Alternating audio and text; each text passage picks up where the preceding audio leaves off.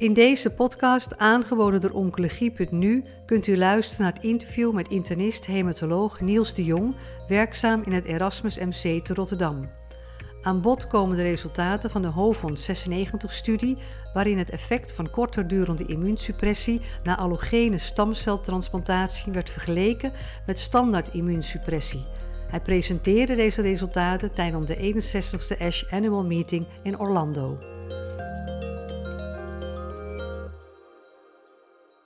Welkom uh, Niels de Jong. Uh, je hebt vanochtend een uh, presentatie gegeven hier bij de ASH over de HOVON 96-studie. En dat ging over allogene stamceltransplantatie en het probleem met graft versus host disease daarbij. kun je uitleggen wat daarbij het grootste probleem is? Um, om hematologische ziekte te behandelen met een hoog risico is het soms nodig om um, een stamceltransplantatie uit te voeren. Aanvankelijk was de gedachte dat je met een hoge dosis chemotherapie um, ja, het beenmerg leegmaakte en stamcellen van een donor introduceerde en daarmee de ziekte genas. Um, later is ook ontdekt dat je met veel minder chemotherapie toe kunt en dat het nieuwe uh, uh, wat je geeft, dat dat eigenlijk ook een nieuw immuunsysteem is wat die oorspronkelijke ziekte kan aanvallen. um, maar het zijn wel twee immuunsystemen die elkaar ontmoeten. Dus je moet dat een beetje uh, onder de duim zien te houden.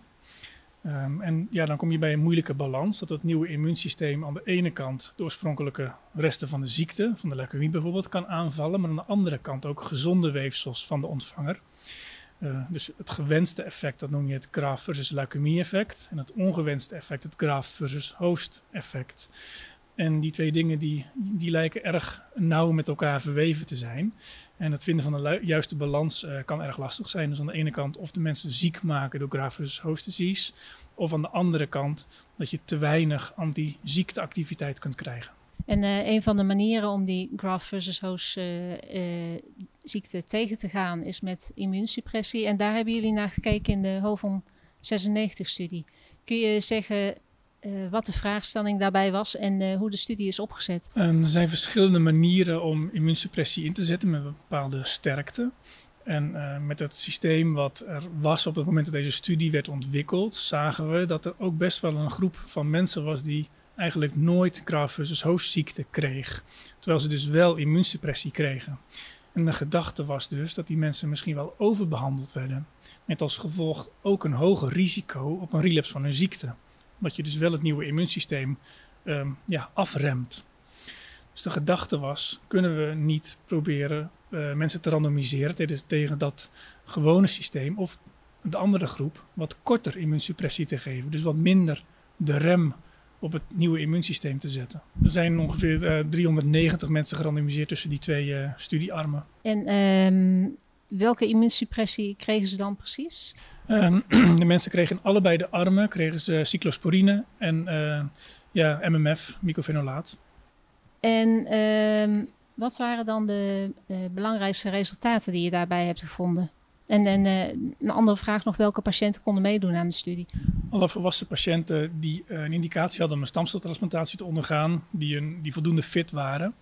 En um, die uh, ja, geen uh, slechte nierfunctie hadden en die niet te veel um, progressieve ziekte hadden. Die mochten eigenlijk meedoen. Is een hele brede groep van mensen.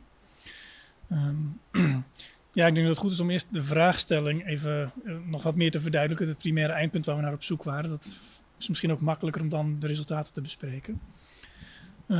we wilden dus eigenlijk kijken of we met wat minder immuunsuppressie um, ja, wat meer lichte graaf versus hoofdziekte, dus behapbare graaf versus hoofdziekte konden laten ontstaan. Met de gedachte dat die mensen dus ook minder at risk waren om een, een relapse van hun ziekte te krijgen. We waren niet op zoek naar meer ernstige graaf versus hoofdziekte, maar wel naar meer lichte behandelbare graaf versus hoofdziekte. Um, maar gek genoeg um, hebben we dat eigenlijk uh, niet uh, gevonden. Dus de proporties van patiënten in beide groepen die uh, non-severe GVHD, zoals we dat noemen, dan uh, kregen, was eigenlijk ver vergelijkbaar op 21 en 22 procent in beide groepen. Um, maar als je dan naar de secundaire eindpunten ging uh, kijken, die waren vastgesteld op bijvoorbeeld de incidentie van acute graft versus host disease en chronische graft versus host disease en um, relapse cijfers en al die dingen meer. ja, opvallend genoeg waren eigenlijk al die dingen heel vergelijkbaar. Niet, niet, niet significant verschillend. Uh, wat betekent dat dan uh, voor de conclusies die je hieruit kan trekken? Ja, je kan natuurlijk uh, zeggen, goed, we hebben twee dingen met elkaar vergeleken. Het is niet verschillend, dus je kan dan het allebei doen. En je zou dan kunnen zeggen, nou ja, dan is het, kortste het makkelijkst, want dat is korter. Dan hebben de mensen minder lang pillen te slikken. Je kunt ook meer nog naar het overal plaatje kijken. En de overlevingscurves ten aanzien van het ontwikkelen van graft hoostziekte, van relapse. Al die dingen lopen erg over elkaar heen. Maar als je kijkt wat de getallen zijn, dan zie je toch dat er relatief veel in beide armen toch nog wel graft hoostziekte voorkomt. Dus je zou ook kunnen zeggen, ja, deze twee dingen kun je allebei doen, maar is het misschien niet verstandiger, gezien deze uh, uitkomsten, om toch naar andere manieren juist nog van graft hoostziektebehandeling te gaan. Daarbij zou je kunnen denken aan toch behandelingen met ATG of met posttransplantatie cyclofosfamide bijvoorbeeld, zoals dat um, ja, in zwang is gekomen, maar pas na het opzetten van deze studie. Betekent het dus dat een uh, kortere uh, immuunsuppressie, dat geeft niet minder graft versus host ziekte? en dat is dus een optie om te doen. Maar je zegt nu dus, eigenlijk zou graft versus host ziekte sowieso minder moeten het zou heel fijn zijn als er minder grafische hoofdziektes optreden, mits je dan ook niet een toename van relapse ziet. En, uh, bij het opzetten van deze studie uh, was deze gedachtegang die ik eerder uh, besprak. Maar inmiddels kennen we ook weer nieuwe strategieën. En als je daarmee vergelijkt, zou je kunnen zeggen: ja, dit zou je zo kunnen doen, maar we weten inmiddels meer. En je zou ook iets nieuws kunnen vergelijken met deze uitkomsten. dus dit deel van de studie heeft op zich geen waarschijnlijk geen gevolg voor de klinische praktijk? Mm, ik denk dat het niet heel waarschijnlijk is dat we op grond hiervan uh, kortere graaf versus host profilaxe gaan geven. Ik denk eerder dat we naar andere manieren van graaf versus host profilaxe zullen overgaan in de nabije toekomst. En dat is ook wat uh, je collega Anouk Broers uh, hier nog gepresenteerd heeft tijdens de ASH. En haar gaan we in een, een andere podcast spreken. Wilt u meer weten over dit onderwerp? Luister dan naar de podcast met internist-hematoloog Anouk Broers, waarin ze de resultaten bespreekt van een studie naar het effect van cyclofosfamide als immuunsuppressie posttransplantatie.